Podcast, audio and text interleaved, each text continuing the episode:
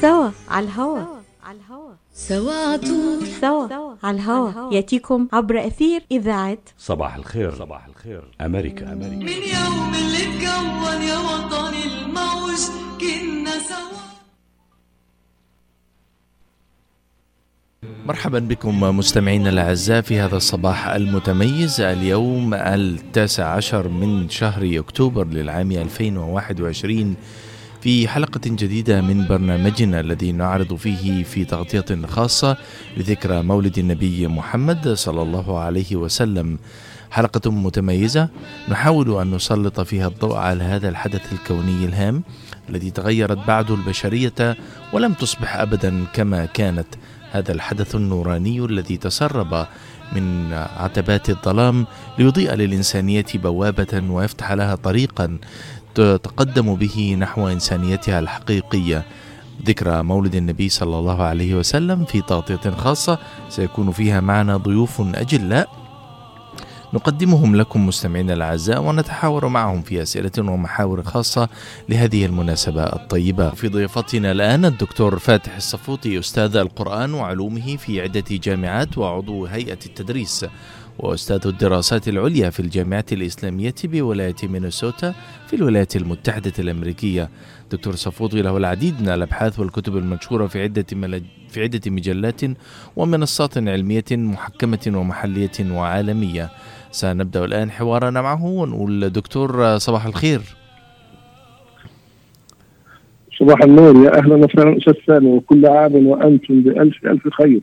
أهلا وسهلا بك دكتور نشكر لك هذه الإطلالة على. مستمعينا الأعزاء. وفي إذاعتنا نقدم يعني قدر المستطاع بعض الإضاءات على حدث مولد النبي محمد صلى الله عليه وسلم نبي الإسلام ورسول الإنسانية. نحاول أن نضيف لمستمعينا الأعزاء مجموعة من المعارف والأفكار حول هذا الحدث الهام. وسأبدأ معك دكتور بسؤال يعني مبدئي ربما وأساسي. لماذا نحتفي بمولد النبي؟ صلى الله عليه وسلم. ما دلالة هذا الاحتفاء وما هي أهميته؟ بسم الله الرحمن الرحيم. الحمد لله وصلى الله وسلم على مولانا رسول الله.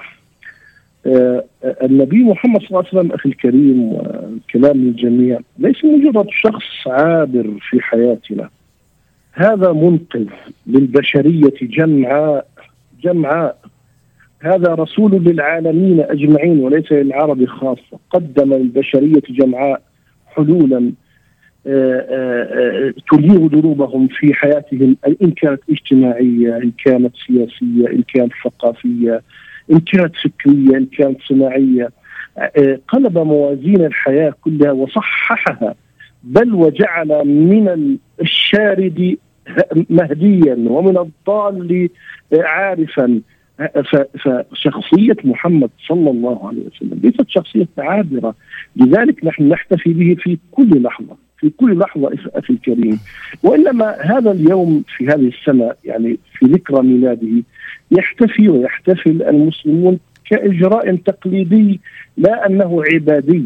هذه أحب أن أدقق عليها القضية. نحن حين نحتفل بالنبي صلى الله عليه وسلم ليس إجراء عباديا وإنما هي مناسبة. نتذكر بها أو لا نقول نتذكر بل نزيد التذكر بالنبي صلى الله عليه وسلم. نعرف العالم نعرف آه، العرب والمسلمين مزيد معرفة بهذا النبي صلى الله عليه وسلم. نتجالس نتسامر نتذاكر آه، نعيد آه، زي ريفرش للمعلومات مع النبي صلى الله عليه وسلم. كيف نقتدي به أكثر؟ كيف نتقرب إلى الله عز وجل؟ بهديه أكثر. فمحمد صلى الله عليه وسلم أخي سامي والكلام الجميع.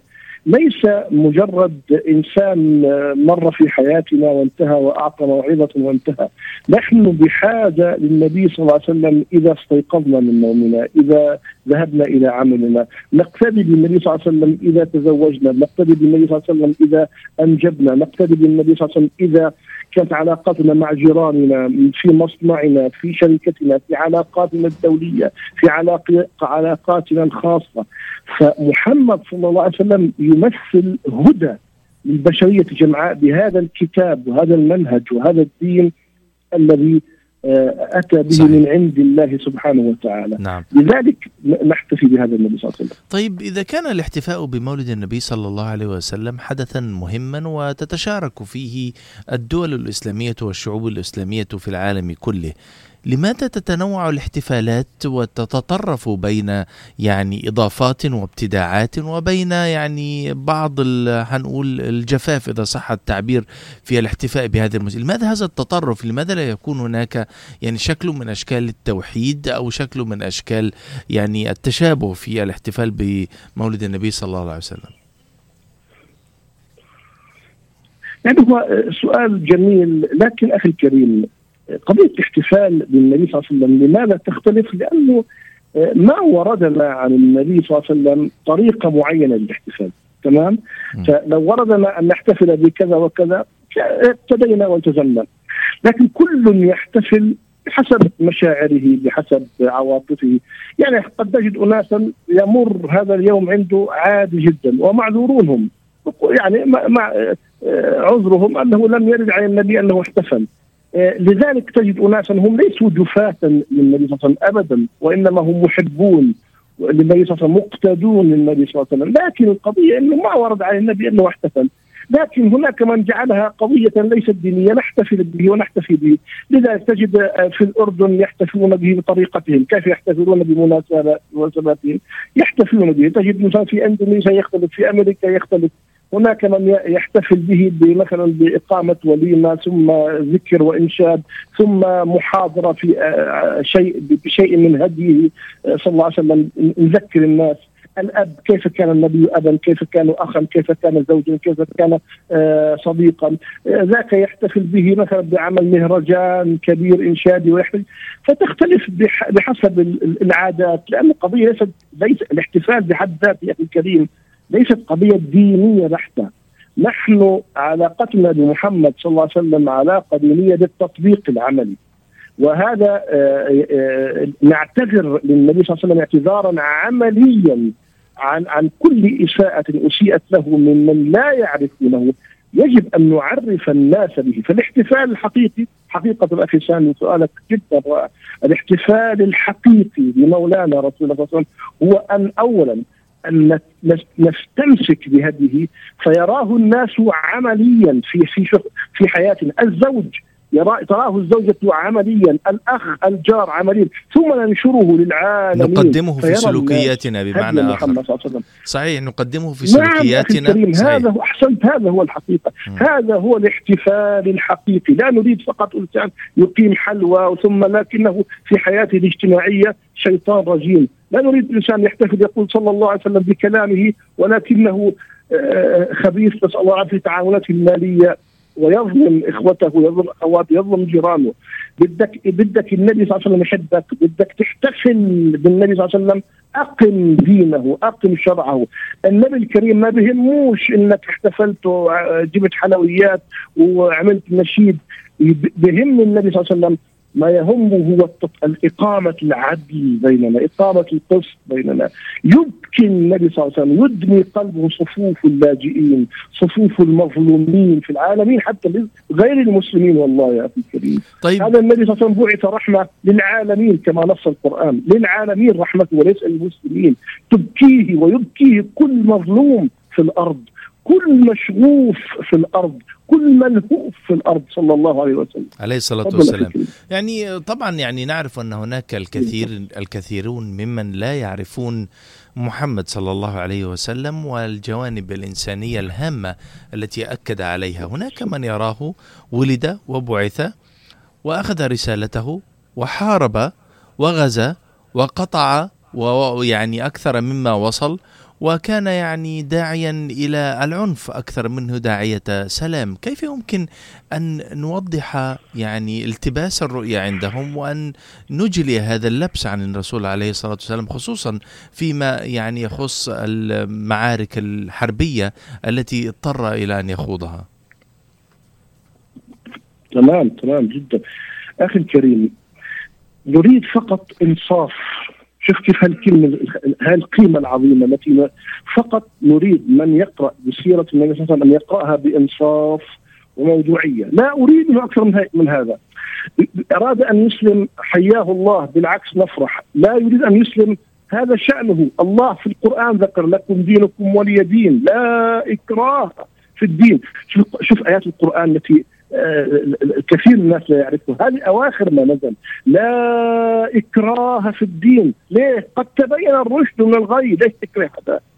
المشكلة أخي الكريم أن هناك قلوبا أغلقت. يعني بمعنى لا يريد أن ينصف. يعني مثلا لما نأخذ مثلا موقف الليبرالية آه، آه، فولتير مثلا لما عمل مسرحيته آه، عمل البطل الرئيسي للمسرحية التراجيديه ماهومت محمد هاي كان اسم المسرحية تعصب. النبي هامون طب أنا اتحدى فولتير هل قرأ من مصادرنا؟ إنما هو قرأ من كتب موجودة أدبية ومؤلفات علمية أدبية في عصره.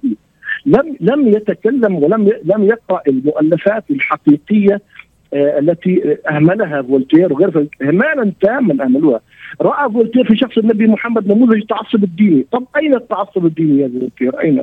المعارك التي خاضها النبي صلى الله عليه وسلم ما في معركة النبي صلى الله عليه وسلم خاضها إلا وفرضت عليه، فرضت عليه بالعكس النبي صلى الله عليه وسلم كان يقول كفوا ايدي القرآن يقول كفوا أيديكم وأقيموا الصلاة.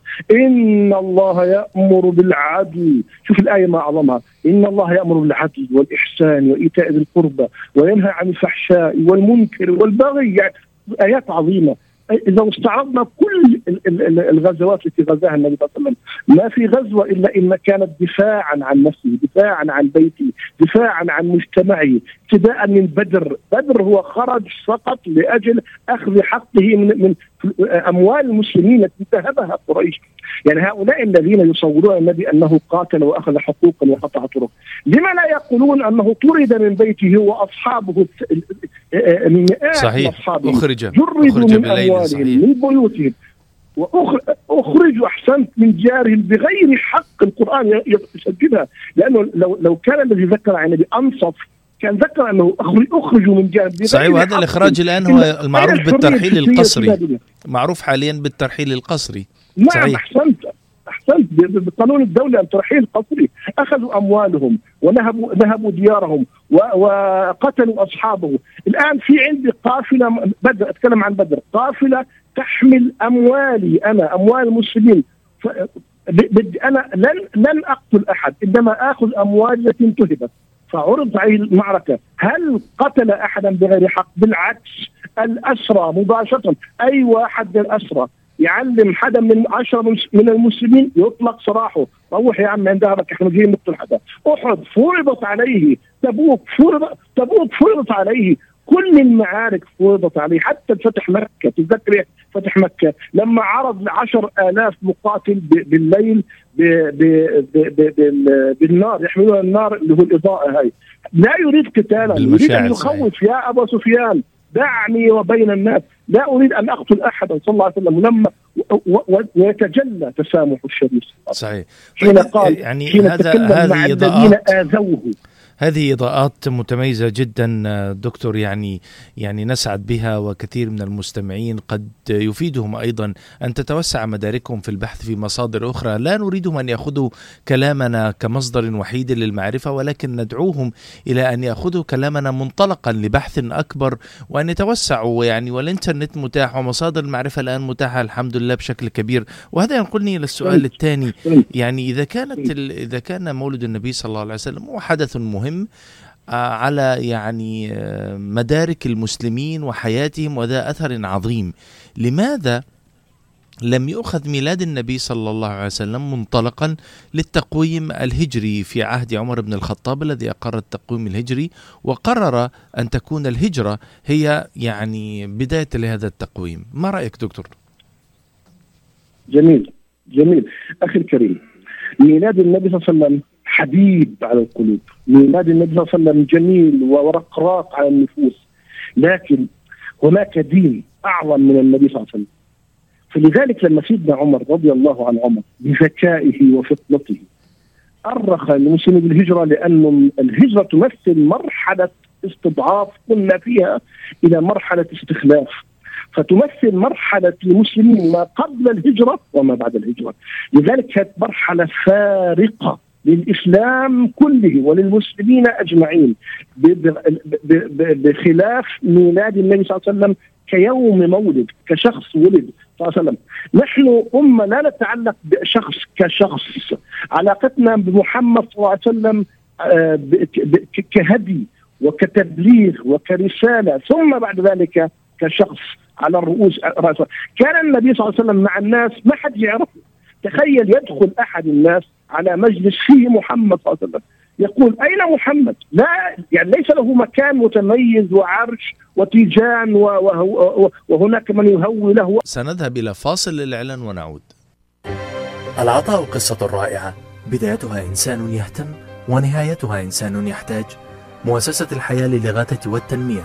ومنذ أكثر من 25 عاما تحمل عطاءك إلى من يستحقه ويحتاجه. بغض النظر عن الجنس أو العرق أو الدين فأينما تكون الحاجة تجد الحياة تقدم المساعدة الطبية والملاجئ وبناء المدارس والأوار الارتوازية وبرامج كفالة عوائل اللاجئين والأيتام وغيرها حسب الحاجة. للمساعدة في استمرار هذا الجهد الكبير امنح تبرعك المعفى من الضرائب اليوم إلى منظمة الحياة للإغاثة والتنمية عبر الموقع www.lifeusa.org أو الاتصال على الرقم المجاني 1-800-827-3543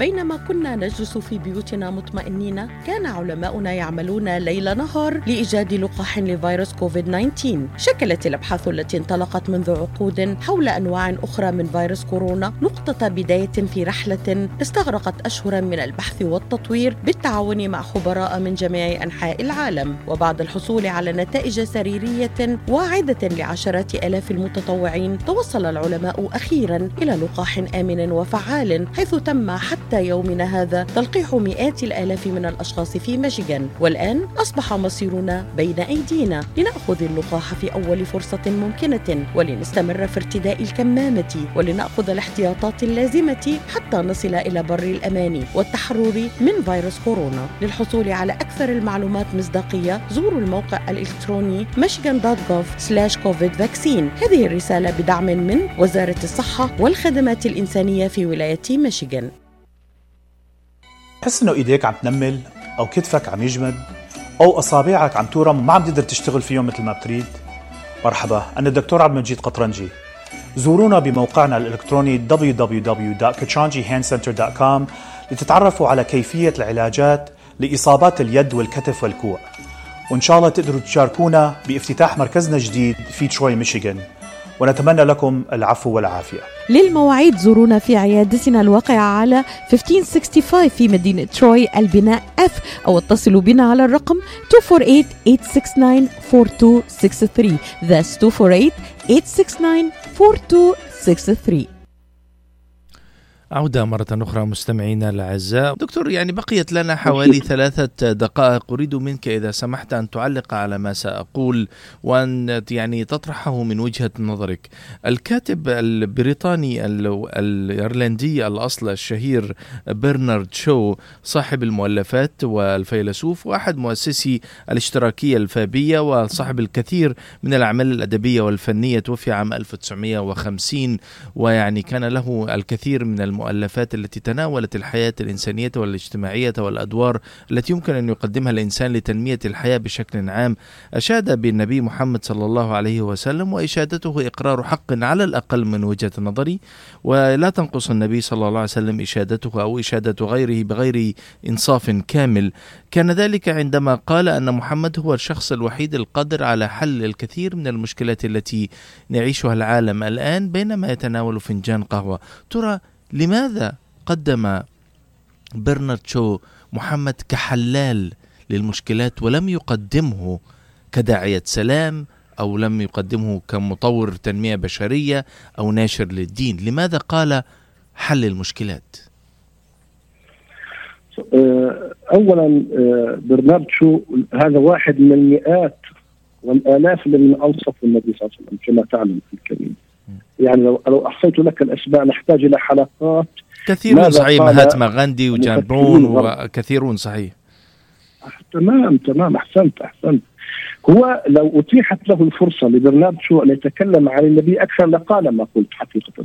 لكن أخي الكريم بدأ المشكلات لما برنارد شو فعلا لما يشخص مشكلة الناس إن أحيط بأحد الناس مشكلة بمشكلة معينة تغيب عنه الحقيقة ينشغل بهالمشكله برنارد شو تكلم عن رجال الكنيسة في العصور الوسطى؟ رسموا صورة بالغة القتامة لمحمد صلى الله عليه وسلم. لذلك الناس في مشاكل كان يعني يتكلم مع واقع الناس ملأى بالمشاكل غرقانة في المشاكل. مش ما يتكلم عن واحد منحل في المشاكل يريد أن ينميه تنمية بشرية أو كذا فهو يخاطب أناس قد غرقوا في المشاكل. طبعا هو يتكلم عن الجهل والتعصب كذلك اللي, اللي تدربوا في الواقع تدربوا أنا أقول لك تدربوا على كراهية محمد صلى الله عليه وسلم. تدربوا نعم أعيدها أقول هم تدربوا على كراهية محمد. بالنسبة لهم كان محمد معادي للمسيح أبدا. يعني هو بيقول درست سيرة الرجل هذا. هو درسه. ليش قلت لك أنا أريد ناس منصفين؟ بيقول لقد درست سيرة هذا الرجل الرائع وهو في رأيي بعيد من أن يكون معاديا للمسيح. يجب أن يسمى مخلص البشرية. شوف كيف مخلص البشرية. الناس غرقانة كانت وقته لما لما ذكر هذا الكلام. أعتقد أنه لو كان لرجل مثله يحكم العالم حكما مطلقا لا استطاع حل مشكلاته بطريقة إلى اخره إلى آخر ما قال. أيضا من ضمن كلامه بيقول الدين الوحيد اللي يملك القدرة على استيعاب المرحلة المتغيرة من وجود لكن يمكن يعني هو تكلم بجميع الأمور بس يحتاج إلى تفسير وجعل ووضع هوامش لكلام برنارد شو غير برنارد شو. هو تكلم عن خصص طريقة المشكلة ولكنه إن بحثت وغصت في كلامه ستجده يتكلم عن كيف تنمي عقلك، كيف ترتاح نفسيا، كيف تتعايش مع مع مع واقعك ومع مع حتى مع عدوك، لذلك لحد كلماته وتنبأت لدين محمد بالقبول في أوروبا مستقبلا. لأنه طبعا أصبح الآن مقبول في أوروبا لكن لولا هؤلاء الشانئون الذين يريدون عداء للنبي وافتعال مشكلات وهمية مع الإسلام. الإسلام والله يا أخي الكريم والحديث والكلام للجميع. الإسلام بريء جدا. أيها الناس اقرأوا رسالة نبيكم. نبيكم نعم. هذا محمد للناس أجمعين. جاء لأمريكا وجاء للعرب، جاء لأوروبا وجاء لمكة، جاء لكل جزر الدنيا، جاء للعالم يخلصه من مشكلاته التي وقع فيها. نحن أهل الكريم غرقرين في مشاكل اجتماعية، مشاكل سياسية، مشاكل ثقافية، وكل يبحث عن مصلحته. أما محمد صلى الله عليه وسلم مات وهو لا يملك حتى درع. كان قبيل أيامه وفاته صلى الله عليه وسلم بقية مما معه من المال أنفقها في سبيل الله. صحيح الدكتور صفوتي كان عنده بعض لقي الله ولا شيء معه. لماذا لماذا ماذا يريد محمد صلى الله عليه وسلم؟ لا يريد ذاك الملك. عرضوا عليه ملك عرضوا عليه رئاسة. مات النبي صلى الله عليه وسلم إذا رفعت إيدك على فكرة أنت وأنت في حجره النبي فقط رفعتها قليلا حتجد السقف يصطدم. بيدك. هذا الذي لا صحيح عرضوا عليه عرضوا عليه كل شيء يمكن أن يثنيه عن رسالته كل شيء. وكل شيء وكان في وكان في حال ضعف عندها ولكن الإيمان التقوية والدعم والمساندة التي لقيها من الله سبحانه وتعالى رحمة بالإنسانية مكنته من رسالته التي أوصلها لنا والتي نحيا الآن في إضاءاتها. فصلى الله عليه وسلم بلغ الأمانة ونصح الأمة ويعني أعذر فينا أكثر مما نستحق. دكتور صفوتي عادة الأحداث والأوقات الطيبة أنها تنتهي سريعا للأسف الشديد انقضى الجزء الأول المخصص لهذه المداخلة. معنا في حلقتنا على أمل أن نلتقي بك إن شاء الله في أحداث أخرى. يعني نتواصل بك نتواصل فيها معك ومع المستمعين الكرام ولكن للتنويه فقط. مستمعينا الأعزاء يمكنكم مراجعة كل ما قيل بعض النماذج من إشادات مهاتما غاندي والبروفيسور كيسي رامكشان وتوماس كارل ولامارتان والقسميشن وغيرهم من يعني أنصفوا تاريخ النبي صلى الله عليه وسلم. حتى نلتقي مع الدكتور صفوت في مرة أخرى. شكرا دكتور لهذه المداخلة. حياكم الله. أشكرك أشكرك. شرفت بكم. بارك الله فيكم. السلام عليكم ورحمة الله. مستمعينا فاصل قصير للإعلان ونعود لضيفنا الدكتور غلاييني فابقوا معنا. حافظوا على صحتكم بالتصدي لكوفيد 19 وأيضا بمواجهة مرض الإنفلونزا الذي يصيب الملايين من الأشخاص معرضا أرواحهم ونظام الرعاية الصحية بأكمله للخطر. احصلوا على لقاح الإنفلونزا الآن فقد ثبت أنه آمن وفعال وأنه يقي ملايين الأشخاص من المرض ويمنع آلاف الحالات من دخول المستشفى، ناهيكم عن تجنب الوفيات في الولايات المتحدة. لابد لكل شخص في عمر ستة أشهر أو أكثر من الحصول على لقاح الإنفلونزا الموسمي حالا لنحمي عمالنا وأولئك الأكثر تعرضا لمضاعفات الإنفلونزا لمن تزيد أعمارهم عن 65 عاما. الأطفال دون الخامسة النساء الحوامل ومن يعاني من ظروف صحية خاصة ساعدونا في مواجهة الإنفلونزا والقضاء عليها. احصلوا على اللقاح لحماية مجتمعكم وأحبابكم. لمزيد من المعلومات زوروا موقع michigan.gov/flu رسالة من وزارة الصحة والخدمات الإنسانية في ولاية ميشيغان. مرحبا سعيد. أهلا علا. ليش هالمقابلة الفاترة هي؟ بيقول المثل لاقيني ولا تغديني. يمه زعلتي. شنو رأيك إذا لقيتك وأيضا غديتك بأحسن مطاعم ميشيغان مطعم عشتار والله فكرة. أفضل الأطباق والمقبلات العربية والعراقية وأحلى ملقى ولا تنسين اللحوم الطازجة مباشرة من ملحمة عشتار لزباين عشتار. وملحمة عشتار توفر اختيارات متنوعة من كافة أنواع اللحوم وبأسعار متميزة وجودة أيضا مميزة. ملحمة عشتار تقع على 36865 Ryan Road في مدينة ستيرلينغ هايت وأكيد أحلى لمة. وأطيب لقمة في مطعم عشتار اللي عنوانه 3625 15 Mile Road في مدينة ستيرلينغ هايت هاتف 586-698-2585 586-698-2585 يلا علا. يلا عشتار للجودة وكرم الضيافة عنوان. مطعم عشتار. مركز Top Rehab للعلاج الطبيعي بإدارة الدكتور محمد فرح حسين أخصائي العلاج الطبيعي بخبرة أكثر من 13 عاما. طب رهاب يقدم خدمات العلاج الطبيعي وإعادة التأهيل ويضم مجموعة من أفضل أخصائي التشخيص الدقيق للحالات المرضية مع خبرة عالية في التعامل مع الحالات التي تحتاج إلى إعادة تأهيل وعناية خاصة بعد العمليات والكسور. طب رهاب يستقبل كل الحالات المتعلقة بألم الرقبة، الظهر، المفاصل، شلل الوجه، الانزلاق الغضروفي، عرق النساء، الحوادث وإصابات العمل، خبيرات في المعالجة النسائية لخصوصيات تامة للسيدات. عندما تبحثون عن رعاية متميزة اقصدوا توب ريهاب للعلاج الطبيعي الواقع على 15001 ميشيغان افنيو وللمواعيد اتصلوا على 313 846 0555 That's 846 0555 مرحبا بكم مرة أخرى مستمعينا الأعزاء في هذه التغطية الخاصة لذكرى مولد النبي محمد صلى الله عليه وسلم. وينضم إلينا الآن الدكتور موفق الغلييني إمام المركز الإسلامي بمدينة جراند بلانك بولاية ميشيغان وعضو اللجنة الدائمة للإفتاء التابعة لمجمع فقهاء الشريعة الإسلامية بأمريكا. الدكتور غلييني عضو اللجنة الدائمة للإفتاء وهو حاصل على الدكتوراه في الفقه وأصوله من الجامعة الأمريكية المفتوحة في واشنطن وأيضا حاصل على درجة الماجستير في الإعلام الإسلامي من جامعة الإمام محمد بن سعود الإسلامية بالرياض بالمملكة العربية السعودية ودبلوم التأهيل التربوي من الجامعة ذاتها. أنهى دراسته الجامعية في دمشق بتخصص البكالوريوس في الشريعة الإسلامية من جامعة دمشق بسوريا. دكتور غليني السلام عليكم. أهلا وسهلا بك معنا. أهلا بكم وعليكم السلام ورحمة الله. نشكر لك هذه الإطلالة المتميزة في هذه التغطية الخاصة لذكرى مولد النبي محمد صلى الله عليه وسلم.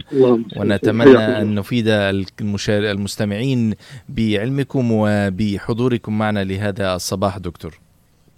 جزاكم الله خيرا على استضافتي وأسأل الله عز وجل أن أن يعيننا على أداء الأمانة وحق رسول الله صلى الله عليه وسلم علينا. نعم. شكرا دكتور. دكتور يعني تناولنا مجموعة من الأسئلة والمحاور في الجزء الأول من حلقتنا لهذا الصباح.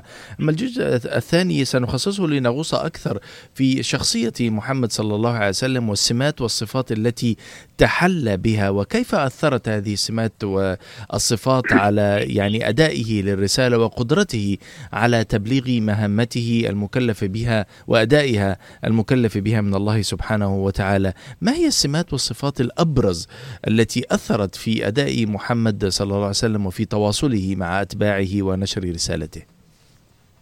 بسم الله والصلاة والسلام على رسول الله. بادئ بدء آه، أود أن أقول أن معظم الاحتفالات بميلاد حبيبنا صلى الله عليه وسلم تقتصر على المديح. وهو في الحقيقة ليس بحاجة للمديح بعد أثنى الله سبحانه وتعالى عليه. فقال وإنك لعلى خلق عظيم. وفي آخر سورة الطور قال واصبر لحكم ربك فإنك بأعيننا وسبح بحمد ربك. إنك بأعيننا يعني برعايتنا بكفالتنا بحفظنا بتوجيهنا بهدايتنا. فلكن يعني المديح يرقق القلوب يذكرنا بحق المصطفى صلى الله عليه وسلم علينا وبصفاته. آه، لكن أنا آه، أقصد الاقتصار عليه. لا يؤدي حق نبينا صلى الله عليه وسلم بل لابد أن يضاف دائما كما تفضلتم آه، ذكر معالم شخصيته صلى الله عليه وسلم أثره في بيئته وفي العالم شمائله اخلاقه نعم بالنسبة لي سؤالك الحقيقة أنا أذكر إنه في مفكر آه، يعني سوري قديم اسمه ميشيل عفلق هو نصراني وعلماني وألقى في دمشق آه، كان في يعني آه، ربيع الأول ألقى محاضرة يذكر فيها عظمة محمد كقائد عربي وكإنسان فذ وصفاته الشخصية. لكنه أغفل أن أعظم صفة للنبي صلى الله عليه وسلم أنه رسول الله. طبعا آه الله عز وجل يقول في القرآن الكريم الله أعلم حيث, حيث يجعل رسالته. فما اختار الله سبحانه وتعالى محمد بن عبد الله عبثا.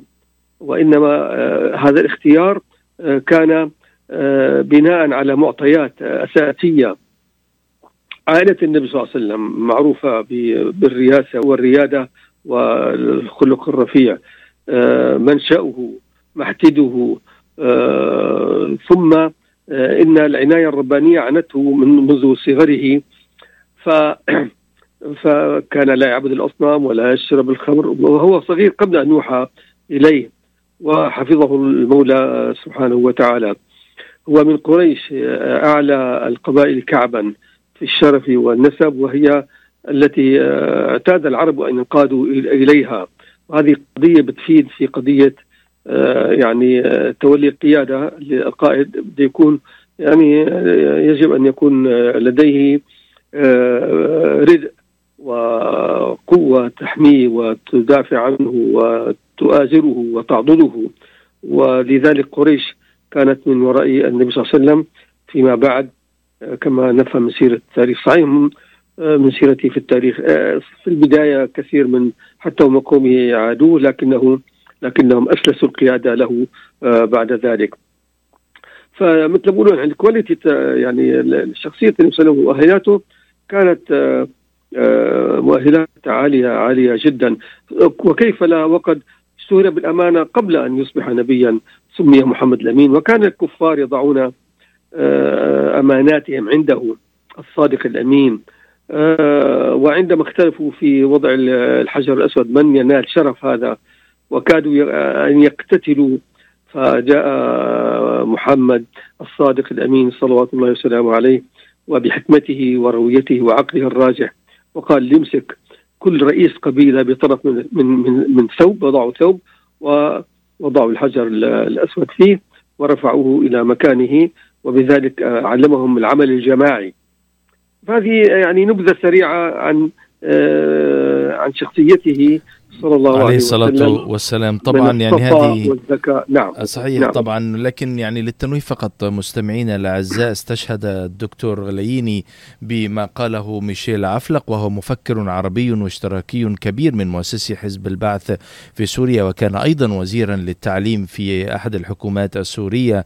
ولد في العام 1910 وتوفي في العام 1989 وله الكثير من المشاركات والأدبيات والمؤلفات التي ساعدت في إثراء الثقافة العربية وهو كذلك خريج كلية الفنون في باريس وحاصل على درجة الماجستير والدكتوراه فقط للتنويه للتأكيد على فعالية المصدر والكريديبيليتي أو المصداقية الخاصة به. دكتور يعني هذا ينقلنا إلى سؤال قدم النبي محمد صلى الله عليه وسلم نموذجا انسانيا وقياديا متميزا خلق أمة كاملة وحركها من يعني من جفاف الصحراء وما فيه إلى تنوع وحضارة قامت على الإنسان قبل أن تقوم على الحجر.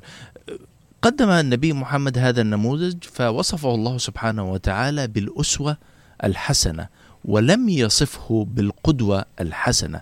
لماذا في رأيك هذا التدقيق في الوصف وما هو الفرق في دلالة القدوة عن الأسوة؟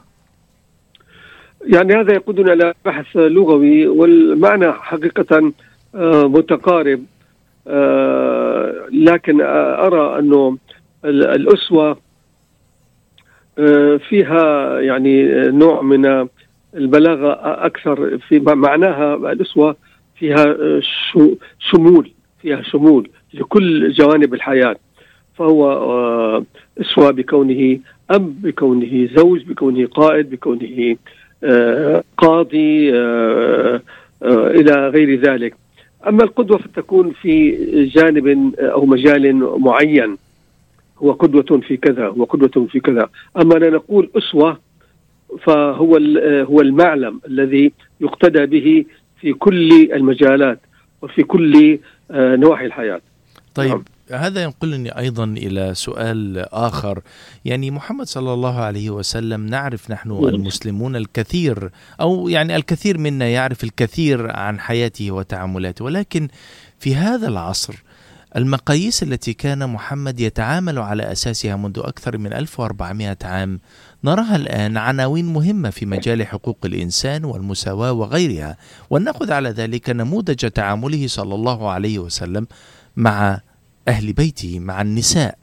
كيف كان محمد صلى الله عليه وسلم نموذجا يقدم في التعامل مع النساء؟ في حقوقهن في التعامل معهم برفق في التوصية بهم. أم كان فظا غليظ القلب يعني مرجعيته الصحراوية والعربية هي التي كانت تحكم أن أتباعه ثم أصحابه. ثم الآن المتبعين لهذا الدين مطالبون أن يسيروا على نفس الخط في التعامل بجفاء وبغلظة وبتهميش للنساء. كيف ترى ذلك دكتور؟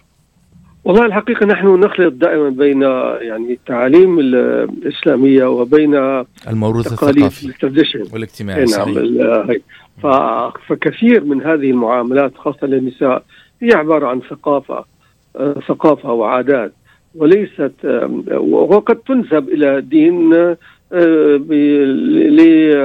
لمعنى من المعاني أو لبيئة من البيئات في بيئة من البيئات آه، أو لارتباط البيئة بالإسلام. ولكن الإسلام بريء من هذا. آه لنتذكر قول النبي صلى الله عليه وسلم نفسه أنا خيركم خيركم لاهله وأنا خيركم لأهلي وأهل الرجل هو زوجته وليس أبوه وأمه. بدليل قوله تعالى عن موسى وسار بأهله كانت معه زوجته ما كان معه أبوه وأمه. فيقول خيركم خيركم لأهله وأنا خيركم لأهلي. مرة إحدى نسائه أشارت بيدها آه، إلى صفية. قالت ما يعجبك فيها؟ وأشارت بيدها أنها قصيرة. فقال ما؟ لقد قلت كلمة لو مزجت بماء البحر يعني آه لأفسدته لأفسدته. يعني كلمة سيئة هذه تفسد ماء البحر تصور ماء البحر قديش كبير. وهذه كلمة تفسد. وهذه الصفة المعروفة آه. حاليا بالتنمر البولينج.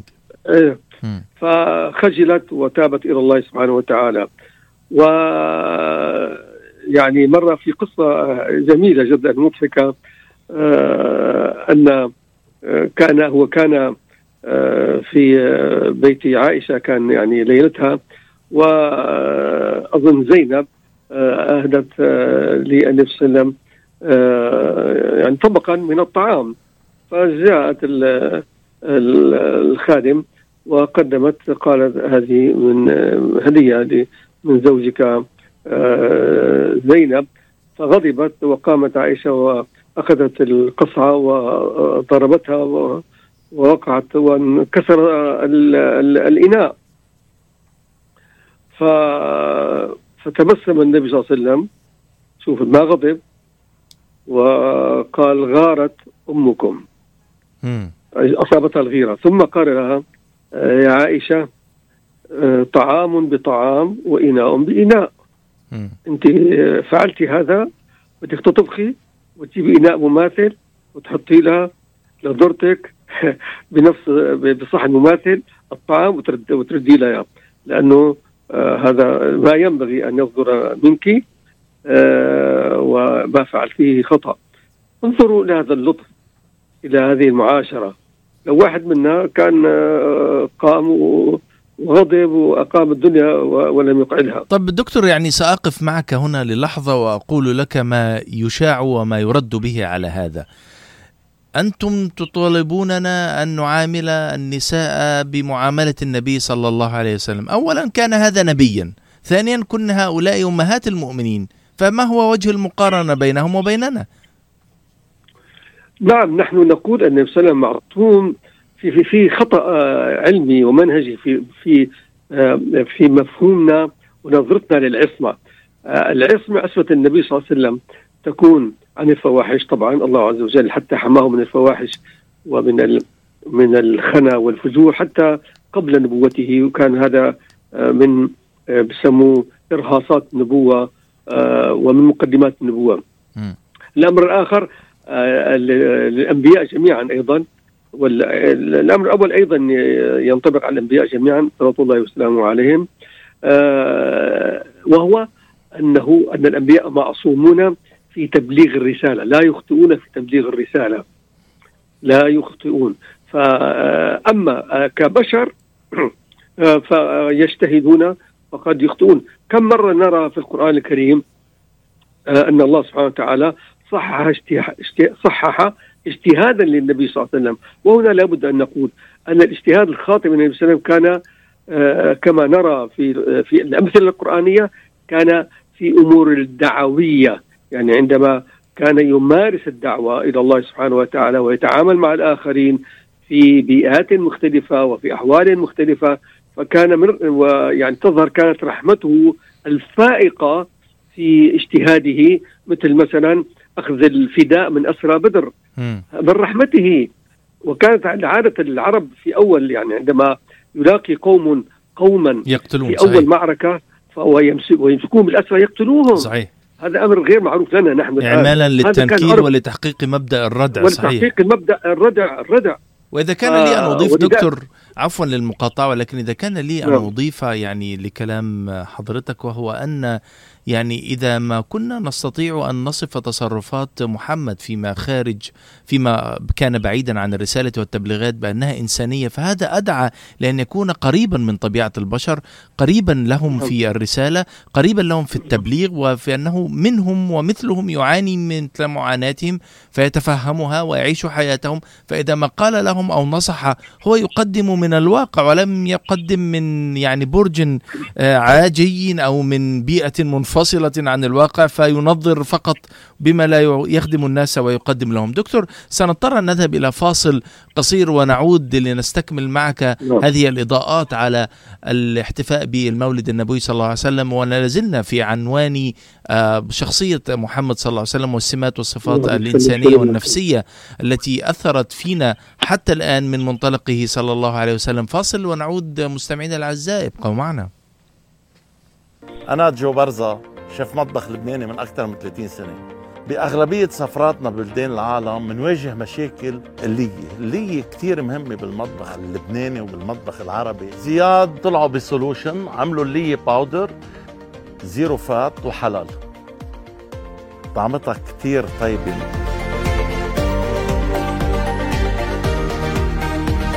ميرسي لزياد.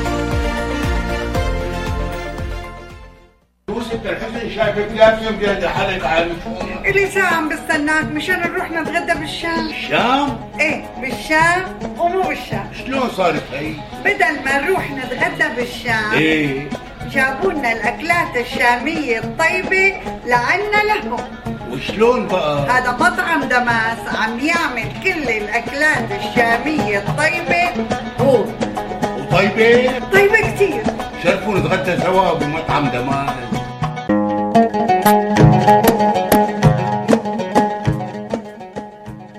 الأكل الشامي الأصيل فقط بدمسكوزين زوروهم على 28841 أورشد ليك بفارمينغتون هيلز. ولطلباتكم اتصلوا على 248 987 4609 That's 248 987 4609 Damas Cuisine and Catering جبنا لكم الشام لعندكم. عودة مرة أخرى مستمعينا الأعزاء آه، وسؤالنا دكتور يعني آه، ما هي عناوين علاقة محمد صلى الله عليه وسلم التي أرسى بها شكل التواصل بين المسلمين وغير المسلمين؟ يعني تعاملاته مع جيرانه إقراره لمعاهدات آه، كيف يمكن أن نأخذ من سيرة النبي صلى الله عليه وسلم وطريقته في التعامل مع غير المسلمين كنموذج؟ لما نسميه الآن بالتوافق المجتمعي. اولا تعاملوا مع آه، يعني المشركين الذين كانوا يعبدون الأصنام. آه، نجد أنه مضت ثلاثة عشر آه، ثلاثة عشر عام- عاما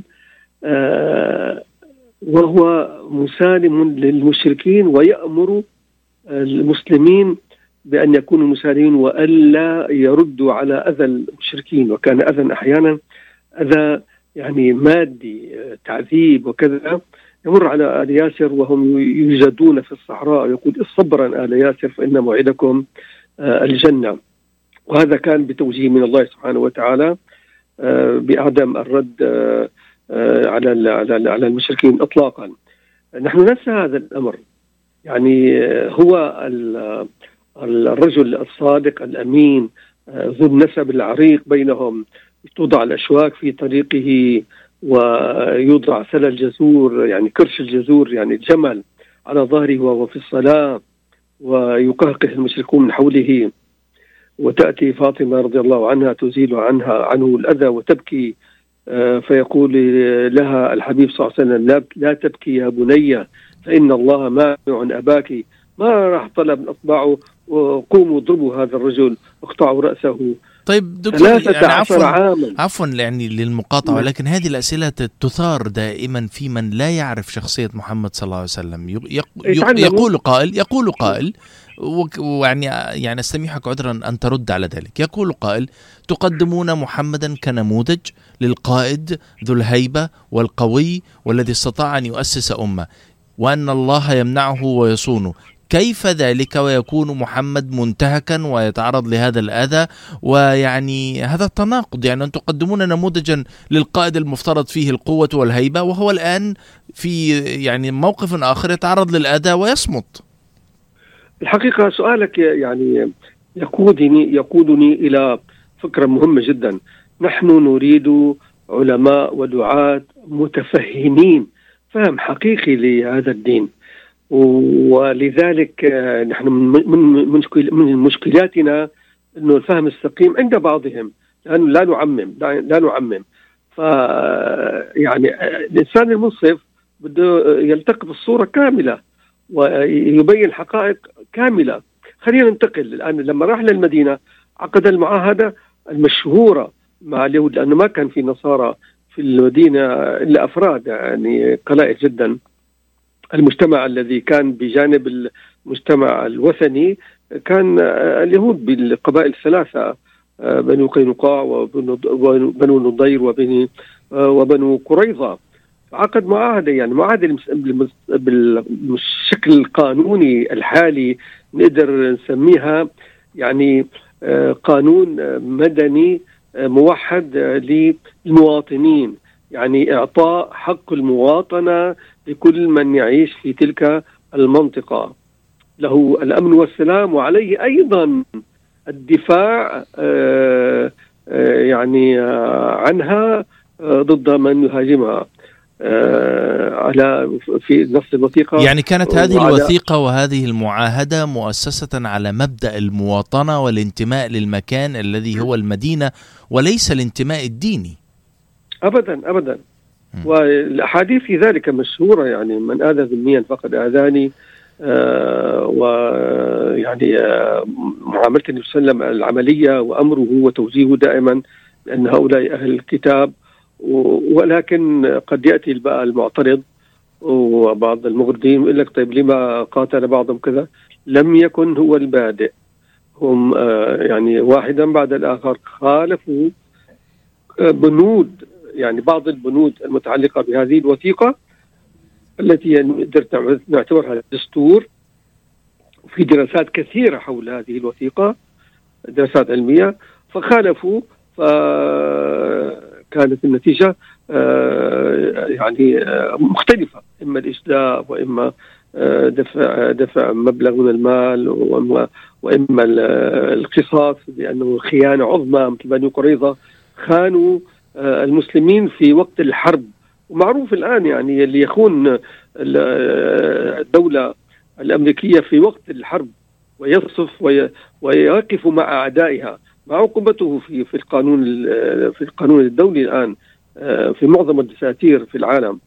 فلذلك في عدم فقه وفهم لحقيقة ما جرى. في يهود أسلموا وصاروا علماء في الإسلام وصاروا قدوة والمسلمون نحن أنا من من دمشق في يعني حي لليهود حي الأمين باليهود ما حدا قرب عليهم. في عندنا نصارى منذ زمن الفتح ما ما, ما كنائسهم محترمة. هذا دليل عملي أنا لما يأتي إلي وفود من غير المسلمين أقول لهم هذا الكلام. صحيح. أنا صحيح. شاهد على هذا. صحيح هذا أمر هذا أمر يعني يعني تتميز به كثير من المجتمعات الإسلامية وكثير ولو كان لو أمر الإسلام إيه بالانتقام من الآخرين ما المفروض ما يكون في لا صحيح. وكانت ولا وكانت الحاضنة آه الإسلامية كنيسة. كانت الحاضنة الإسلامية نعم. في شمال إفريقيا هي ملاذ اليهود الذين هجروا مع كثير من المسلمين بعد استيلاء آه الحكم المسيحي في أسبانيا في نهاية القرن الخامس عشر وطرد المسلمين واليهود إلى شمال شمال نعم. المغرب بقيت لنا دقيقة واحدة دكتور غليلي. رقم واحد تفضل. رقم واحد على هذا الأمر. في يهود الدونما هربوا من كما تفضلت من من محاكم التفتيش في إسبانيا. آه، في إسبانيا وهربوا إلى جنوب آه، غرب آه، تركيا كانت جزء من من الامبراطوريه العثمانية. العثمانية اسمها سلاني سلانيك صح. يعني يهود الدونما صحيح ف... وأحسن المسلمون استقبالهم طيب في في 30 ثانية فقط يعني ما هي الرسالة التي توجهها للمستمعين الأعزاء بمناسبة ذكرى المولد النبوي؟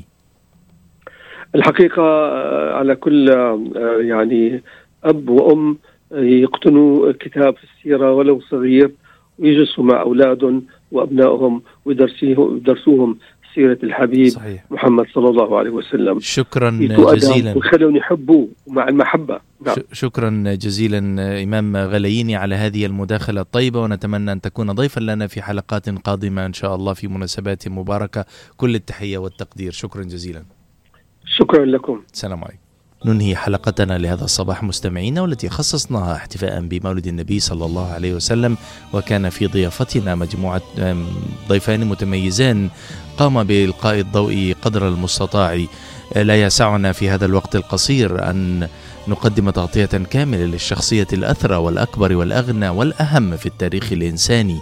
كل عام وأنتم بخير. بمناسبة المولد النبوي الشريف كان معكم في هذه التغطية الخاصة سامح الهادي موجها التحية لكم مستمعينا الأعزاء بالنيابة عن أسرة صباح الخير ميشيغان و US Arab Radio. كل عام وأنتم بخير وأترككم في حفظ الله ورعايته.